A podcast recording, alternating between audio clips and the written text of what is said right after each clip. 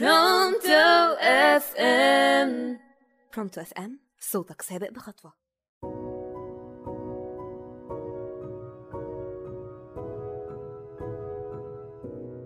كتير مننا بيدور على السعادة ومحتار ومش عارف طريقها فين.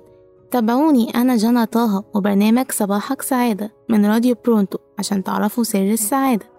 تفتكروا السعادة في المال والثروة ولا في الشهرة والنفوس؟ ولا في حاجات تانية. يلا بينا نشوف.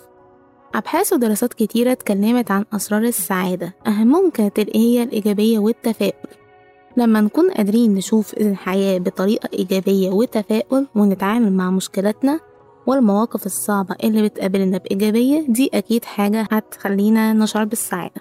طب هتقولولي إزاي نتعامل مع مشكلاتنا بإيجابية؟ هقول لكم شوية نصايح تساعدنا في الموضوع. وهي نتقبل المشكلة كجزء من الحياة. هنركز على الحلول مش على المشكلة. ندور على الدروس المستفادة من المشكلة ونطور من نفسنا. ما نقارنش نفسنا بأي حد تاني. وفي الآخر لو حبينا نطلب مساعدة من غيرنا ما نترددش.